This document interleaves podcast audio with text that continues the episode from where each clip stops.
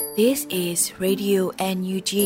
the voice of National Unity Government of Myanmar, broadcasting for Myanmar's Spring Revolution. Radio NUG is transmitting from shortwave 16 meter 17.79 megahertz at 8:30 a.m. and 25 meter 11.94 megahertz at 8:30 p.m. Myanmar Standard Time. မင်္ဂလာပါရှင်အမျိုးသားညီညွတ်ရေးအစိုးရရဲ့အတန်လွတ်ဌာနရေဒီယို NUG ကိုမန္တပိုင်း၈နိုင်ခွဲမှာလိုင်းတူ6မီတာ19.7ခွန်ကုန်းမဂါဟတ်စ်နဲ့ညပိုင်း၈နိုင်ခွဲမှာလိုင်းတူ25မီတာ17.6မဂါဟတ်စ်တို့မှာဓာတ်ရိုက်ဖမ်းယူနားဆင်နိုင်ပါပြီရှင်မင်္ဂလာအပေါင်းနဲ့ပြည့်စုံကြပါစေအခုချိန်ကစပြီး Radio NUG စီစဉ်လေးကိုဓာတ်ရိုက်အတန်လွှင့်ပေးနေပါပြီ မြန်မာနိုင်ငံသူနိုင်ငံသားအပေါင်းတဘာဝဘေးစစ်အာဏာရှင်ဘေးတို့ကနေကင်းဝေးပြီးဘေးကင်းလုံခြုံကျန်းမာကြပါစေလို့ရေဒီယိုအယူဂျီအဖွဲ့သားများကဆုတောင်းမေတ္တာပို့သလိုက်ရပါတယ်ရှင်ပထမဆုံးအနေနဲ့ကာကွယ်ရေးဝန်ကြီးဌာနရဲ့စစ်ရေးသတင်းအကျဉ်းချုပ်ကိုစောတဲလူနေမှတင်ပြပေးမှာဖြစ်ပါတယ်ရှင်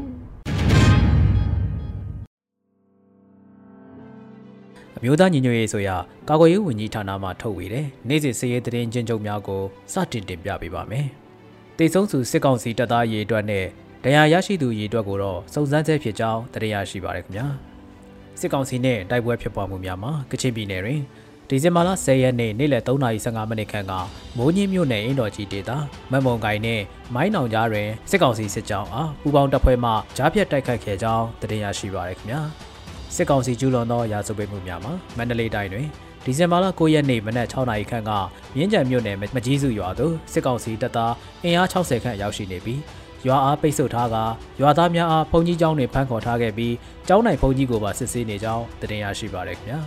ဒီဇင်ဘာလ9ရက်နေ့မနက်အစောပိုင်းကမြင်းကြံမြို့နယ်ရွာသစ်မှာစစ်ကောင်စီတပ်သားများထွက်ခွာသွားပြီးဒေသခံများဖြစ်သောမျိုးနိုင်အိမ်ကိုမီးရှို့ခဲ့ကမောင်အေးဤနေရှိမှ နှမ်းမုံနှင့်ဆိုင်ကရမီးရှို့ပြီးငကောက်နှင့်ဦးတန်းစော်တို့၏နေအိမ်အားဖျက်ဆီးသွားခဲ့ကြောင်းနှင့်စစ်ကောင်စီများကအ ਨੇ ဆုံးပြည်သူ9ဦးအားဖမ်းဆီးခေါ်ဆောင်သွား၍တအူအားဖုန်ကြီးကျောင်းရှိတမပင်တွင်ကျိုးတုပ်ထားခဲ့ကြောင်းတင်ရရှိပါရခင်ဗျာရန်ကုန်တိုင်းတွင်ဒီဇင်ဘာလ9ရက်နေ့ကစမ်းချောင်းမြို့နယ်ကြံကင်းလန်းအပေါင်ဆိုင်မှပိုင်ရှင်ဖြစ်သူကိုစစ်ကောင်စီအဖွဲ့ဝင်များက တော်လှန်ရေးအဖွဲ့ဝင်များအားထောက်ပံ့သည်ဟုဆို၍ဖမ်းဆီးသွားပြီး3900ဖြင့်ပြန်လည်ရွေးရန်ပြောဆိုခဲ့ပြီးနောက်3900ပေးပြီးချိန်တွင်လည်းပြန်လွတ်ပေးခြင်းမရှိသေးကြောင်းတရားရှိပါရခင်ဗျာဒီဇင်ဘာလ9ရက်နေ့ညနေ9:00နာရီခန့်က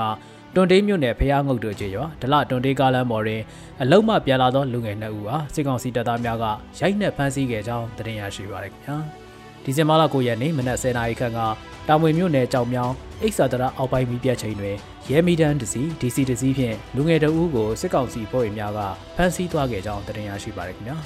ယခုဖော်ပြပါတဲ့များကိုမြေပြင်သတင်းတာဝန်ခံများနဲ့သတင်းဌာနများမှဖော်ပြလာသောအချက်လက်များပေါ်တွင်အခြေခံထားခြင်းဖြစ်ပါတယ်ကျွန်တော်စောထဲနေပါ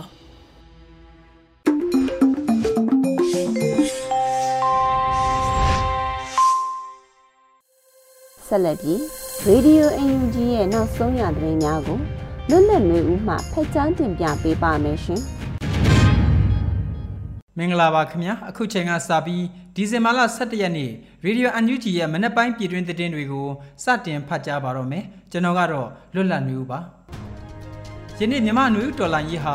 လူအခွင့်အရေးချိုးဖောက်မှုတွေကိုကျူးလွန်နေတဲ့စစ်အာဏာရှင်စနစ်ကိုအမြင့်ဖြတ်တုတ်တင်ချေမှုန်းတဲ့တော်လိုင်းကြီးဖြစ်တယ်လို့ယာယီသမ္မတဒူဝါလက်ရှိလာကပြောကြားလိုက်ပါတယ် ဒီဇင်ဘာလ10ရက်နေ့84ကြိမ်မြောက်အပြည်ပြည်ဆိုင်ရာလူခွင့်ရေးနဲ့အထိတ်မှအခမ်းအနားမှာအမျိုးသားညီညွတ်ရေးဆိုရယာယီသမ္မတဒူဝါလရှိလာကပြောကြားခဲ့တာပါယနေ့မြန်မာနွေဦးဒေါ်လာကြီးဟာလူခွင့်ရေးချိုးဖောက်မှုတွေကိုနှိညာမပြတ်ကျူးလွန်နေတဲ့စစ်အာဏာရှင်စနစ်ကိုအမြင့်ပြတ်တုတ်တင်ချေမှုန်းတဲ့ဒေါ်လာကြီးလည်းဖြစ်တယ်ဆိုတာမမိကြဖို့တတိပေးလိုပါတယ်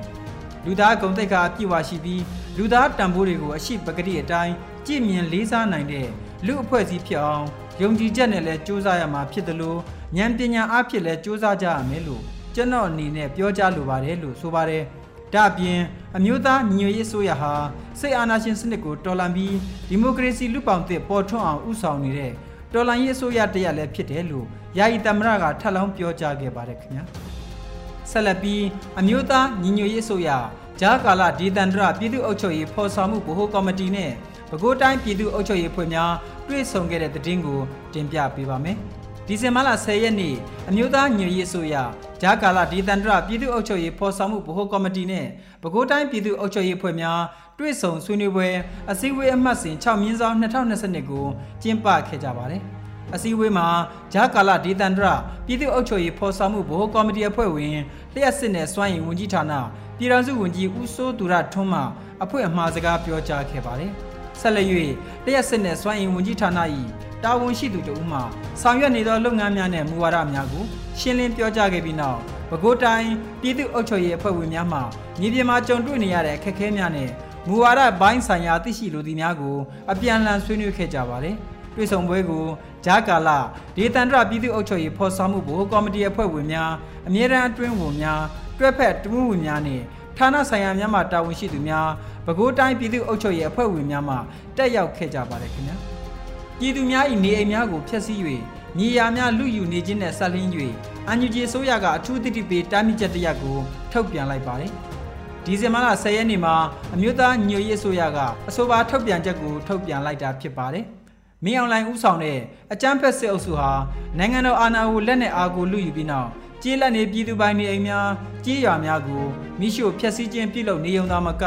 မြို့ပြနေပြည်သူများရဲ့နေအိမ်များကိုပါအတင်းအဓမ္မဖျက်ဆီး၍မြို့ပြမြေယာများအားအဓမ္မလူရက်လျက်ရှိတယ်လို့ဆိုပါတယ်။2022ခုနှစ်နိုဝင်ဘာလအတွင်းရန်ကုန်နဲ့မန္တလေးမြို့ကြီးများအပါအဝင်မြို့ကြီးအချို့တွင်အကြမ်းဖက်စစ်အုပ်စုကမြို့ပြနေခြေကလူဒန်းစားများရဲ့နေအိမ်များကိုအတင်းအဓမ္မဖြိုဖျက်ကမြေယာလူရဲမှုများကျူးလွန်လျက်ရှိရာတွင် မင်္ဂလာတုံမြို့နယ်ရှိရပ်ကွက်၅ခုမှာအိမ်ခြေပေါင်း1000ကျော်လူဦးရေ9000ကျော်အိုးမဲ့အိမ်မဲ့ဖြစ်စေခဲ့တဲ့ကဲ့သို့ရန်ကုန်မြို့နယ်တွင်အိမ်တောင်စုပေါင်း100ကျော်မန္တလေးမြို့တွင်အိမ်တောင်စုပေါင်းများစွာအိုးအိမ်မဲ့ဘဝသို့ရောက်ရှိစေခဲ့ပါတယ်လို့ဖော်ပြထားပါတယ်။ကိုဗစ်ကူးစက်ရောဂါနဲ့နိုင်ငံတော်အာဏာလုယူမှုကြောင့်လူမှုဒုက္ခအဝဝကိုခံစားနေကြရတဲ့အခြေခံပြည်သူများ၏ဘဝကိုစာနာနားလည်မှုမရှိ ဖေးမှကူညီမှုမရှိဘဲ၎င်းတို့ရဲ့ကြောတခင်းစာနေရာများကိုပါဖျက်ဆီးခြင်းပြည်သူများ၏အတိုက်အမြုံအားဖျက်ဆီးခြင်း၎င်းတို့ရဲ့မြေယာများကိုလူယူခြင်းသည်အကြမ်းဖက်စစ်အုပ်စုရဲ့အယက်သားပြည်သူတွေအပေါ်ရုပ်မာရက်စက်မှုကိုထပ်လောင်းအတီးပြုတ်ပေးနေပါတယ်ထို့သောရက်ဆက်ရုပ်မှချင်းသည်အခြေခံလူကျင့်မှုကိုချိုးဖောက်ခြင်းသာဖြစ်သည်သာမကနိုင်ငံတကာလူခွင့်ရေးဆိုင်ရာပြဋ္ဌာန်းချက်များပါ လူတိုင်းလုံလောက်သောအိမ်ယာစားနပ်ရိက္ခာနှင့်အခြေခံဝန်ဆောင်မှုများရရှိခွင့်ကိုလည်းပြောင်ပြောင်တင်းတင်းချိုးဖောက်လျက်ရှိနေတယ်လို့ဆိုပါတယ်။အကြမ်းဖက်စစ်ကောင်စီနဲ့၎င်းလက်အောက်ရှိစီပင်တာယာရေးကော်မတီအပါအဝင်ဝန်ထမ်းများနဲ့၎င်းစစ်ကောင်စီရဲ့အပေါင်းပါများအနေဖြင့်ယခုကဲ့သို့မြို့ပြနေပြည်သူလူထုများရဲ့နေအိမ်ကိုအတင်းအဓမ္မဖျက်ဆီးခြင်းမြေယာများအားလူရဲခြင်းများကိုချက်ချင်းရပ်ဆိုင်းရန်ပြည်သူလူထုရဲ့နေအိမ်များဖျက်ဆီးခြင်းများကိုဆက်လက်မပြုလုပ်ရန်ပြင်းထန်စွာတတိပေးတားမြစ်လိုက်တယ်လို့ ဖော်ပြခဲ့ပါတယ်ခင်ဗျာခုခံတွန်းလှန်စစ်ရဲ့ဒုတိယတစ်နှစ်တာမှာရည်မှန်းထားတဲ့အမေရိကန်ဒေါ်လာသန်း300ပြည့်မီသွားလိမ့်မယ်လို့ဝန်ကြီးဦးတင်ထွန်းနိုင်ကပြောကြားလိုက်ပါတယ်။ဒီဇင်ဘာလအတွင်းတွေ့ဆုံမင်းမြန်ကန်တစ်ခုမှာစီမံကိန်းဗန္ဒာရေးနဲ့ယင်းနှိမ့်မြှုပ်နှံမှုဝန်ကြီးဦးတင်ထွန်းနိုင်ကပြောပါတယ်ကျွန်တော်တို့အနေနဲ့ကမတူကွဲပြားတဲ့စီမံကိန်းပေါင်းစုံ project ပေါင်းစုံနဲ့ပြည်သူလူထုအားကိုးရဲ့ပြည်တွင်းပြည်ပလုပ်ငန်းရှင်တွေရဲ့တော်လိုင်းရေးအပေါ်မှာလိုက်ပါဆောင်ရွက်မှုကို အခြေအနေတွေမူတည်ပြီးတော့ project တွေအားလုံးကိုတချို့ဟာတွေကတပြိုင်နက်တည်းဆောင်ရွက်သွားဖို့ရှိတယ်။တချို့ဟာတစ်ခုပြီးတစ်ခုဆောင်ရွက်သွားမှာရှိပါတယ်။အဲ့ဒါတွေအားလုံးပေါင်းလိုက်ရင်တော့ကျွန်တော်ယုံကြည်ပါတယ်ကျွန်တော်တို့ရည်မှန်းထားတဲ့ခုခံတွန်းလှန်စစ်ရဲ့ဒုတိယတစ်နှစ်တာမှာကျွန်တော်တို့ရည်မှန်းထားတဲ့အမေရိကန်ဒေါ်လာတန်း300ဆိုတဲ့ကိစ္စပြည့်မီသွားလိုက်မယ်လို့ယုံကြည်ပါတယ်ဆိုတဲ့အကြောင်းဝန်ကြီးကဆိုပါတယ်လက်ရှိမှာအမျိုးသားညွေရေးအစိုးရအနေနဲ့အမေရိကန်ဒေါ်လာတန်း100ရရှိထားက အထူးငွေတိုက်စာချုပ်နဲ့ EOD ရှယ်ယာများကိုရောင်းချပြီးတော်လိုင်းရေးဘဏ္ဍာရန်ပုံငွေအတိကလဲပတ်လျက်ရှိပါတယ်ခင်ဗျာစစ်အာဏာရှင်စနစ်အောက်မှာလူဆွမ်းအားအရင်းမြင့်နဲ့ထုတ်ကုန်ရော့ကျနေမှုမြင့်တက်နေပြီးနိုင်ငံရဲ့အဆိုးဆုံးချိန်ကိုရောက်ရှိနေတယ်လို့စီးပွားရေးနဲ့ကုသရေးဝယ်ရေးဝန်ကြီးဒေါခင်မမမျိုးကဆိုပါတယ်ဒီဇင်ဘာလ10ရက်နေ့ကအပြည့်ပြည့်ဆိုင်ရာလူခွင့်ရေးနေ့ဂုံပြူဟောပြောပွဲမှာပြည်ထောင်စုဝန်ကြီးဒေါခင်မမမျိုးကအခုလိုပြောဆိုခဲ့ပါတယ်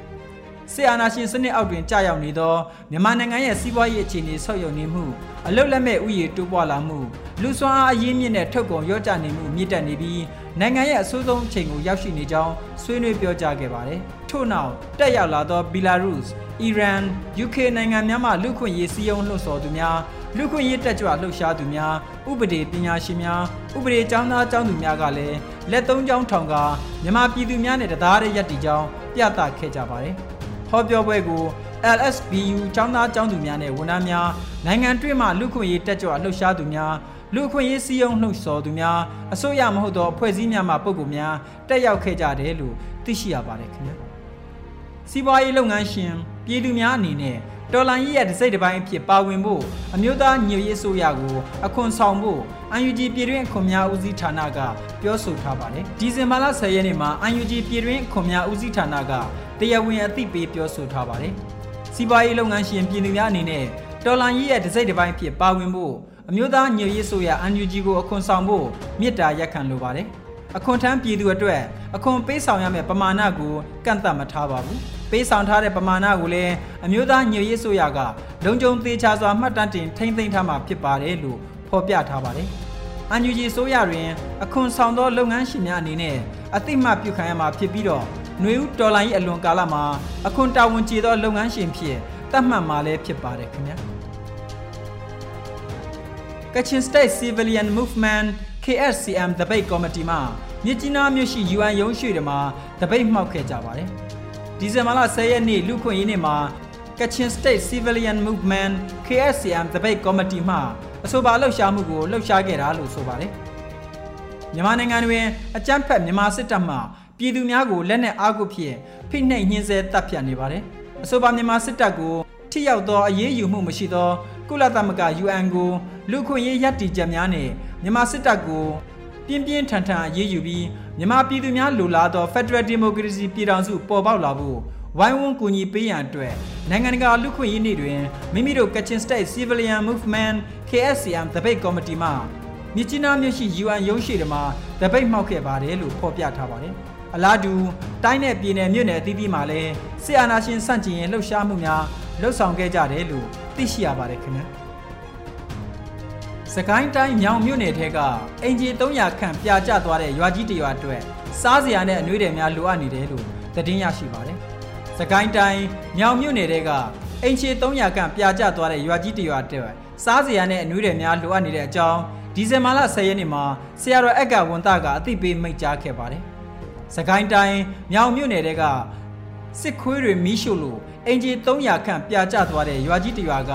နီးဘေးသင့်ပြည်သူတွေအတွက်စောင်းနဲ့စားစရာစတီးစလုံးအနှွေးတယ်တွေလိုအပ်နေလို့အရှင်ဖျားတို့တတ်နိုင်သလောက်ကူညီပေးပါအောင်ဖျားဆိုပြီးဖုံးဆက်ကူညီတောင်းလာပါတယ်လို့မိန့်ပါတယ်။ပါဝင်လှူဒန်းလိုပါက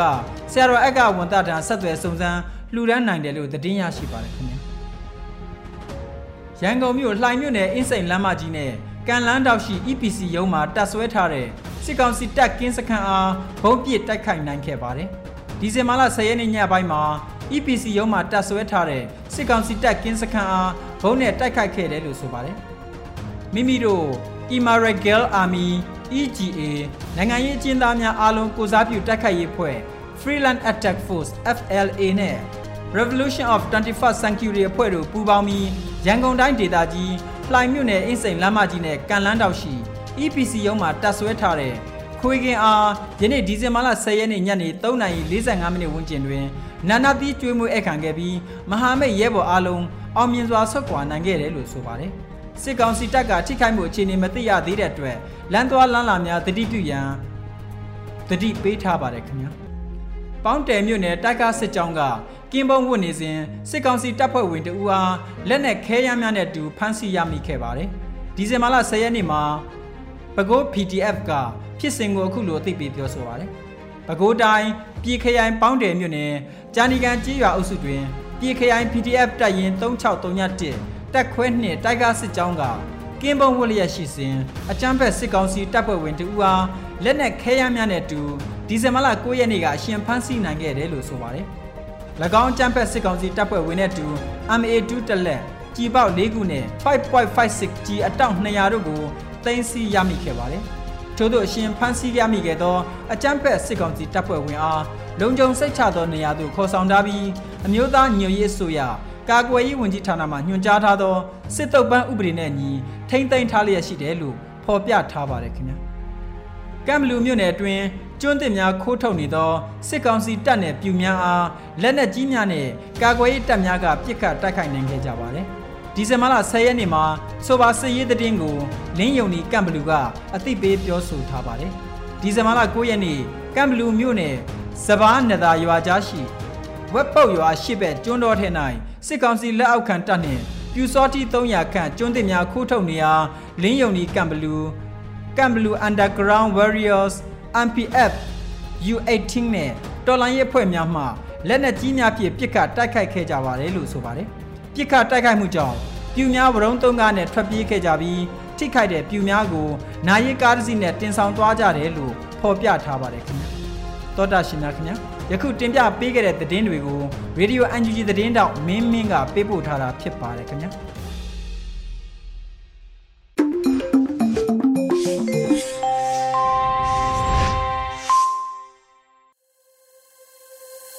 Radio UNG မှဆက်လက်အသံလွှင့်နေပါတယ်။ အခုဆက်လက်ပြီး American နိုင်ငံအမျိုးသားကာကွယ်ရေးဥပဒေ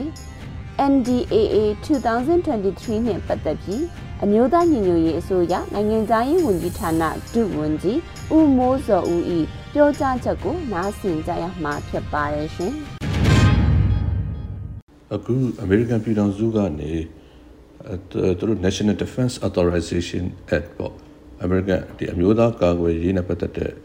လုပ်ပိုင်ခွင့်ပြဋ္ဌာန်းတဲ့ အဥပဒေကိုဒါ outlook တော်ကနေပြီးတော့မှဒီဇင်ဘာ9ရက်နေ့မှာဒါအတည်ပြုလိုက်ပါတယ်အဲ့တော့ဒီ outlook တော်ကအတည်ပြုပြီးတဲ့အခါမှာသူတို့အထက်လွှတ်တော်ကိုတင်ရတာပေါ့လေ Senate ဒီအထက်လွှတ်တော်ကလည်းမကြခင်ဒါကိုဆုံးဖြတ်အတည်ပြုသွားမယ်ဆိုပြီးတော့သိရတယ်ပေါ့နော်အဲ့တော့ဒီဥပဒေမှာအရေးကြီးတဲ့ကိစ္စအပေါ့လေဟိုမြန်မာနိုင်ငံနဲ့ပတ်သက်ပြီးတဲ့ခါကျတော့အကူအညီပေးရမယ့်ကိစ္စတွေထောက်ခံအားပေးတဲ့ကိစ္စတွေဒါအများကြီး ပါလာကိုတွေ့ရတယ်ပေါ့လေတိုင်းသားတော်လှန်ရေးအဖွဲ့အစည်းတွေရောနောက်ကပြည်သူ့ကာကွယ်ရေးတပ်ဖွဲ့တွေပေါ့နော် PDF ဒီအဖွဲ့တွေဆိုလို့ရှိရင်လက်နက်မဟုတ်တဲ့တခြားသောဒီပညာအကူအညီတွေပေးဖို့ကိစ္စစသဖြင့်လည်းပါတယ်။နောက်တစ်ခါကျွန်တော်တို့မျိုးသားညွှန်ရေးဆိုရတော့မျိုးသားညွှန်ရေးအတိုင်းပင်ကောင်စီတို့စသဖြင့်ပေါ့ဒီလိုနာမည်နဲ့တက်ပြီးတော့ပါတာကလည်းဒါတနည်းအားဖြင့်ပေါ့လေအတိမတ်ပြုခြင်းတစ်မျိုးလို့ကျွန်တော်တို့ယူဆလို့ရပါတယ်။နောက်တခြားပေါ့လေဟို ဒီအရက်ဖက်အဖွဲ့အစည်းတွေပေါ့နော် atrocities တွေစစ်ကောင်စီရဲ့ဒီလူကွေချုပ်ဖောက်မှုတွေရက်ဆက်ချမ်းကြုံမှုတွေကိုစုံစမ်းစစ်ဆေးလေ့လာဖို့အတွက်ကိုကူညီပေးတာမျိုးတွေနောက်တစ်ခါဒီ accountability ဒီတရားမျှတမှုတို့တောင်းခံမှုတာဝန်ယူမှုကိစ္စတွေဒါတွေနဲ့ပတ်သက်ပြီးတော့လည်း documentation ပေါ့လေမှတ်တမ်းမှတ်ရများပြည်သူ့ဆောင်နေတဲ့အဖွဲ့အစည်းတွေကိုအကူအညီပေးဖို့လေဘောနော်နောက်တစ်ခါဒီမတရားဖန်ဆီးခံရတဲ့သူတွေကိုအကူအညီပေးနေတဲ့အဖွဲ့အစည်းတွေကိုအကူအညီဖို့ပေါ့နော်နောက်ကတိုင်းသား အဖွဲ့အစည်းတွေနဲ့ပြန်လည်တင်မြှောက်ရေးအတွက်ဆောင်ရွက်နေတဲ့ရပ်ဖက်အဖွဲ့အစည်းတွေကိုကူညီပေးဖို့ဟိုစသဖြင့်ပေါ့လေတော်တော်များများအဲပါရှိတာဖြစ်ပါတယ်အဲ့တော့ဒီဥပဒေဆိုတာလက်တာအမေရိကန်ဆိုရရဲ့2023ကနေ2029ဘန်ဒါနှစ်အထိကိုဒါသူတို့သတ်မှတ်ထားတဲ့ရန်ပုံငွေပေါ့နော်ဒါတွေကိုလည်းချမှတ်သွားပြီဖို့လည်းပြောထားတာတွေရှိတယ်အဲ့တော့ဒါအရေးကြီးပါတယ်အဲ့တော့အခုကတော့ဒီဘာမာ Act ဆိုတဲ့အဲဥပဒေကိုဒါ NDAA လို့ပြောတဲ့ဒါ ကာဝေးဆိုင်လုပ်ပိုင်ခွင့်အဥပဒေတွေမှာဒါတင်သွင်းလိုက်တာပေါ့ထည့်သွင်းလိုက်တာပေါ့လေအဲ့တော့ဒီဥပဒေအားလုံးလေးပါပါပါတယ်အားလုံးလေးပါပါပြီးတော့ထည့်သွင်းလိုက်တာဖြစ်တဲ့ကြောင့်ဒါကျွန်တော်တို့အတွက်ဒါအရေးကြီးတဲ့ဥပဒေတစ်ခုဖြစ်ပါတယ်ဒီဥပဒေဖြစ်မြောက်အောင်မြင်အောင်ကဝိုင်းဝန်းစ조사တဲ့အဖွဲ့အစည်းတွေပေါ့လေဒီ American ပြည်တော်စုမှာရှိတဲ့အဖွဲ့အစည်းတွေရော American ပြည်တော်စုအပြင်ဘက်မှာရှိတဲ့အဖွဲ့အစည်းတွေရောအဲပေါ်နီမန်ဝဲပေါ်ပေါ့နော်ဒီတိုင်းသားလူမျိုးအစုံပေါ့လေအဲနောက်တစ်ခါဒီ ဘာသာရေးဖွဲ့စည်းများလည်းပါပါတယ်အဲဒီဖွဲ့တွေကိုဒါအင်တန်ကျေးဇူးတင်တယ်လို့ပြောချင်တယ်အားလုံးဝိုင်းဝန်းပြီးတော့ဗောလေဆောင်ရွက်မှုကြောင့်အားလုံးဝိုင်းဝန်းပြီးတော့တိုက်တွန်းအကျိုးပန်းမှုကြောင့်ဒါဖြစ်လာတယ်လို့ပဲကျွန်တော်အဲ့လိုနားလည်ပါတယ်ဆက်ပြီးတော့လည်းပေါ့အားလုံးဝိုင်းဝန်းပြီးတော့ဗောလေအကျိုးပန်းဆောင်ရွက်ပေးဖို့လည်းဟိုတိုက်တွန်းနှိုးဆော်ပါတယ်အ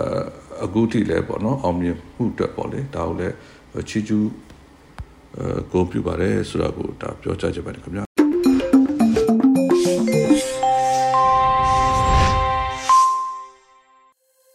ဆက်လက်ပြီးပြည်သူ့ခုခံတော်လှန်စစ်တရင်များကိုကျော်နေဦးမှတင်ဆက်ပေးမှာဖြစ်ပါတယ်ရှင်။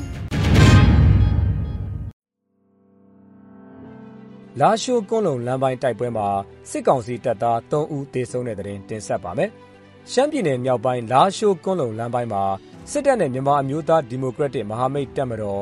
MNDAA တို့တိုက်ပွဲဖြစ်ပွားပြီးစစ်သား3ဦးသေဆုံးခဲ့ကြောင်းကိုကန့်တရင်ရင်းမြစ် The ကိုကန့်ကသတင်းထုတ်ပြန်ပါတယ်။ ဒီဇင်ဘာလ10ရက်နေ့လယ်12နာရီဝန်းကျင်အချိန်စစ်ကောင်စီတပ်နဲ့ MNDAA တပ်တို့ကြားတိုက်ပွဲဖြစ်ပွားခဲ့ရာအကြမ်းဖက်စစ်သား3ဦးသေဆုံးပြီး MNDAA တပ်သား2ဦးမစိုးရင်ရဒဏ်ရာရရှိခဲ့ကြောင်းထုတ်ပြန်ခဲ့တာပါ။အလားတူရှမ်းပြည်နယ်မူပန်ခရိုင်တိန်နီဒေသလာရှိုးကွန်းလုံလမ်းပေါ်ရှိမြန်မာအမျိုးသားဒီမိုကရက်တစ်မဟာမိတ်တပ်မတော် MNDAA တပ်မဟာ111တပ်ရင်းအနီးသို့အကြမ်းဖက်စစ်ကောင်စီရဲ့အရှိမြောက်စစ်ဒေသအမှတ်312တပ်ရင်းမှ အင်အားတရာခန့်ဖြင့်ချင်းကပ်လာရာနေ့လယ်12နာရီခန့်မှာတိုက်ပွဲပြင်းထန်ခဲ့ပြီးမွန်းလွဲတနာရီခန့်မှာတိုက်ပွဲပြီးဆုံးခဲ့ကြောင်းထုတ်ပြန်ထားပါတယ်။ဆက်လက်တင်ဆက်မှာကမုံရွာမှာစစ်ကြောင်းများကို PDF ကတိုက်ခိုက်မှုစစ်သား9ဦးသေဆုံးတဲ့တဲ့တင်ပါ။စကိုင်းတိုင်းမုံရွာမြို့နယ်အလုံမြို့ရှိအနောက်မြောက်တိုင်းစစ်ဌာနချုပ်နာမခမဘုဒလင်တို့ထွက်ခွာလာတဲ့စစ်ကြောင်းကိုဒီဇင်ဘာ9ရက်နေ့နနက်ပိုင်းမိုင်းဆွဲတိုက်ခိုက်ခဲ့ရာစစ်သား9ဦးသေဆုံးပြီး15ဦးထိခိုက်ဒဏ်ရာရရှိခဲ့ကြောင်း Children Brothers ကထုတ်ပြန်ပါတယ်။ဒီဇင်ဘာလ9ရက်နေ့နနက်8နာရီခွဲခန့်အချိန်အင်အား65ဦးဝန်းကျင်ဖြင့်ဘုဒလင်မြို့သို့ထွက်ခွာလာရာမုံရွာမြို့နယ်နဲ့ဘုဒလင်မြို့ကားလမ်းမတနေရာ၌ပူးပေါင်းတပ်ဖွဲ့ကပရိဒါမိုင်း12လုံးဖြင့်ဖောက်ခွဲတိုက်ခိုက်ခဲ့ခြင်းဖြစ်ကြောင်းသိရှိရပါတယ်။နောက်ဆုံးအနေနဲ့ပေါင်းတယ်မြို့မှာအကြမ်းဖက်စစ်သားတအုပ်ကိုလက်နက်ခဲယမ်းများနဲ့အတူဖမ်းမိတဲ့တဲ့တင်တင်ဆက်ပါမယ်။ပဲခူးတိုင်းပေါင်းတယ်မြို့နယ်ကြာနီကန်ကျေးရွာအုပ်စုမှာ ဒီဇင်ဘာလ9ရက်နေ့ကအကြမ်းဖက်စစ်သားတအုပ်ကိုလက်နက်ခဲယမ်းနဲ့အတူအရှင်ဖမ်းမိခဲ့ကြောင်းပဲခူး Region PDF ထံမှသိရပါဗျ။ပြည်ခရိုင် PDF တပ်ရင်း3631တပ်ခွဲ2တိုက်ကားစစ်ကြောင်းက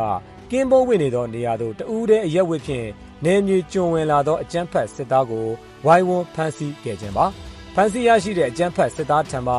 MA ဒုတလက်ကြည်ပေါက်၄ခုနဲ့ 5.56G အတောက်200တို့ကိုတင်စီရရှိခဲ့ပြီး လုံခြုံစိတ်ချရသောနေရာသို့ခေါ်ဆောင်ထားကအမျိုးသားညီညွတ်ရေးအစိုးရ NUG ကာကွယ်ဝင်ကြီးဌာနမှညွှန်ကြားထားတဲ့စစ်တုံးပန်းဥပဒေနဲ့အညီထိမ့်သိမ်းထားကြောင်းထုတ်ပြန်ထားပါတယ်ခင်ဗျာ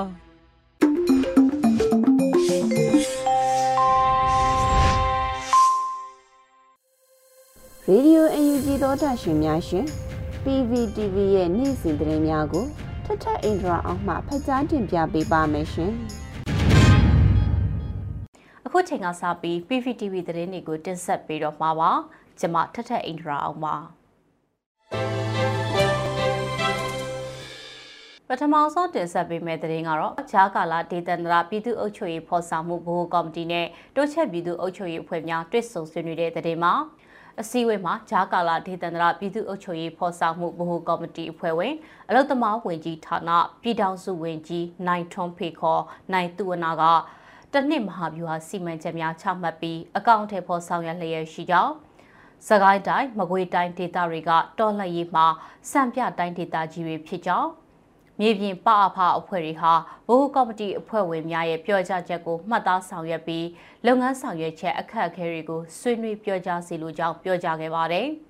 ဆက်လက်ပြီးတော့ဝန်ကြီးဌာနတွေကဆောင်ရွက်နေတဲ့လုပ်ငန်းတွေနဲ့ပတ်သက်ပြီးရှင်းလင်းတင်ပြတာတွေပြုလုပ်ခဲ့တယ်လို့တိုးချက်ပြည်သူ့အုပ်ချုပ်ရေးအဖွဲ့တွေကလည်းမြေပြင်ကြုံတွေ့နေရတဲ့အခက်အခဲတွေနဲ့သိရှိလိုတာတွေကိုအပြန်အလှန်ဆွေးနွေးခဲ့ပါတယ်။အဲဒီနောက်မှာတော့ဂျာကာလာဒေသန္တရပြည်သူ့အုပ်ချုပ်ရေးဖော်ဆောင်မှုဘိုးကော်မတီအဖွဲ့ဝင်တရားရေးဝန်ကြီးဌာနပြည်ထောင်စုဝန်ကြီးဦးသိန်းဦးကဆွေးနွေးမှုတွေပြုလုပ်ခဲ့ပါတယ်။ အဆိုပါတွေ့ဆုံပွဲကိုဂျာကာလာဒေသန္တရပြည်သူ့အုပ်ချုပ်ရေးဖော်ဆောင်မှုဗဟိုကော်မတီအဖွဲ့ဝင်တွေအမြင့်တဲ့အတွင်းဝင်တွေတွဲဘက်အတွင်းဝင်တွေနဲ့ဌာနဆိုင်ရာတွေကတာဝန်ရှိသူတွေတိုးချဲ့ပြည်သူ့အုပ်ချုပ်ရေးအဖွဲ့တွေကတာဝန်ရှိသူတွေတက်ရောက်ခဲ့တယ်လို့ပြည်ထောင်နဲ့လွယ်မှုကြီးကြပ်ရေးဝန်ကြီးဌာနကသတင်းထုတ်ပြန်ပါတယ်။ကျေးဇူးတင်ပါတယ်ရှင်။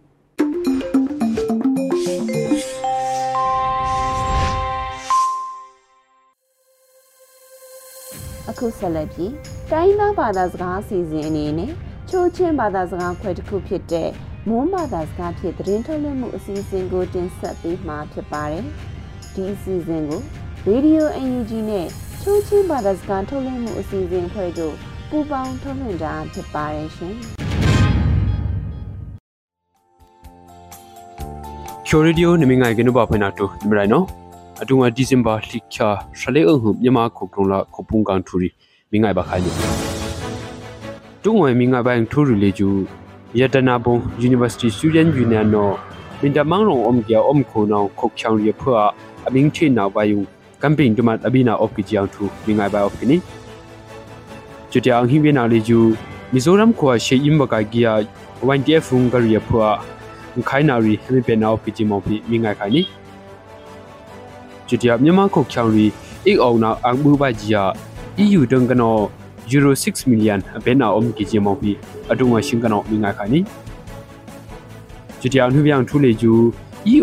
อดอังบุมริลา BTF รีพอจะบุนเนอเมริกันโคสุยาดังกันออเมริกันคัว NDAA เลจูอเมริกันออทตอนอအဟပိနာအော့ကကြထူရီငါပါအော့ကိနီယဒနာဘ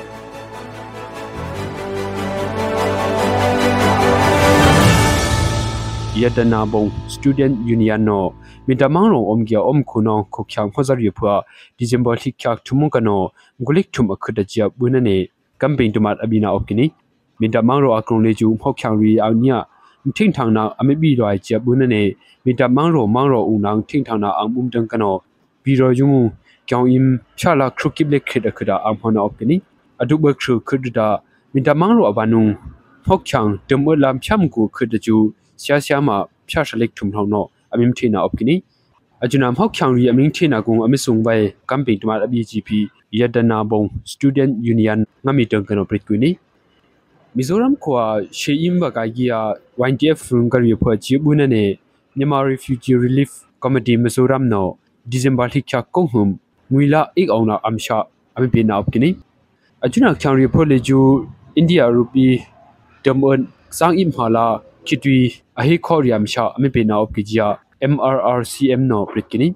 Myanmar Refugee Relief Committee Mizoram le ju mbakho dang ka no dong no kya Myanmar khu chang mzeina bikhaijia ami bum tuma de jumpi kakini MRRCM leju Mizoram Student Union Nyama Acting Group Dingma Chin Affair Association Chim Baptist North America Chin Hair Organization NGO Angmumrion Grubrika kum phram kulam gule ot minglok cha phlingum dunne mi bum jipi phanaw kini Nyama khokrunga khokchangri e auna kho themri betbajia EU dangkano euro 6 million leju WFPM abena opkijia December likha khringhum WFP dang kana prendok kini Myama khokrung le chu e auna khori motor yu sunga khidwi ri aphona ya akui lo phojum phi Myama khokhyang ri akhak na dum lasi achuna mi pi chi phi ngami dang kana prit kuni Myama khokrung ang tung kana phwa om kunong kia khokhyang adam bi ajunung ka le chu pekhari kene atu bakhr le chu NGO ang mumrion ami pom sin lo na opkiji phi ami prena opkini ashina bin nang le ju yangkong mang rong ka amshala makhwa hilo asum dang asip tang op kya khyang sung tem kop khrit aphwa ami bin na op kha gp wfp ခုခ ्या အောက်ဒံဘီအကျွနုံကလေကျူပက်ခရီကနေအတုပခရလေကျူ NGO အောင်မုံဗျွန်အမေပ ோம் စင်လနာအော့ကီဂျီပီအမေပရနာအော့ကီနီအရှိနာဘင်းနာငုံလေကျူရန်ကုန်မောင်ရောင်ကအမချာလာမခွာဟီလောအစုံဒံအစစ်တုံအော့ကီယာချန်စင်တမ်ကပ်ခရစ်အဖွာအမေပနာအော့ခါ GP WFP တန်ကန်လေကျူပရစ်ကီနီ EAO ဆန်ကော်ဒရာကပ်အမုံရီလာ BTF ရီအဖွာ se het khenglung ka kya kia phumha nam thi bai phua american kho su ya ndaa le ju american outlet do tung kano a changlo na opkini myama kho akron a democracy ra ba wa chi up tumbang kia eeo se ko ra kap amum ri la btf ri phua thi na revive ndaa le ju american outlet do no adushkum december thi chaw a hab gp washington de kana lok yang thurium amru na opkini myama kho phua bu kia lam ri pe bai la အမေရိကန်ခိုဆူယာဒုံကနောခဂုမ်ဖရမ်ကူလမ်ကူလိကထုမ်ခဂုမ်ဖရမ်ကူလမ်ကူလိကခရငွေခေနာကခဂုမ်အကရုံအမ်ပင်နာအုံခါဂျီပီငမီဒုံကနလေကျူပရစ်ကူနီမြန်မာခွာကရုံအီအေကိုဆဲကောရာကပမုံရီလာ PDF ရီဖိုလေကျူမမော့ခရပ်ဘွေနဲ့အမရုနာအော့ကီဂျာအင်္ဂမ်သင်ဒူရီနဲ့အတုံဝန်ထူမင်းငိုင်လေကျူအရှိမန်ကခါနီညမခုကရုံလာချိုခုံနမော့ကချိုဇာချန်နမ်ဝန်အယိုထီစီနာအင်အိုင်နာရီအာယောမိုင်နဲ့နမီဘုံခတ်နမီချင်နောဆိုချာရှင်ကနောပရင်ထူနီ နုပါဖွိနာဝန်ရိုင်းနောဘ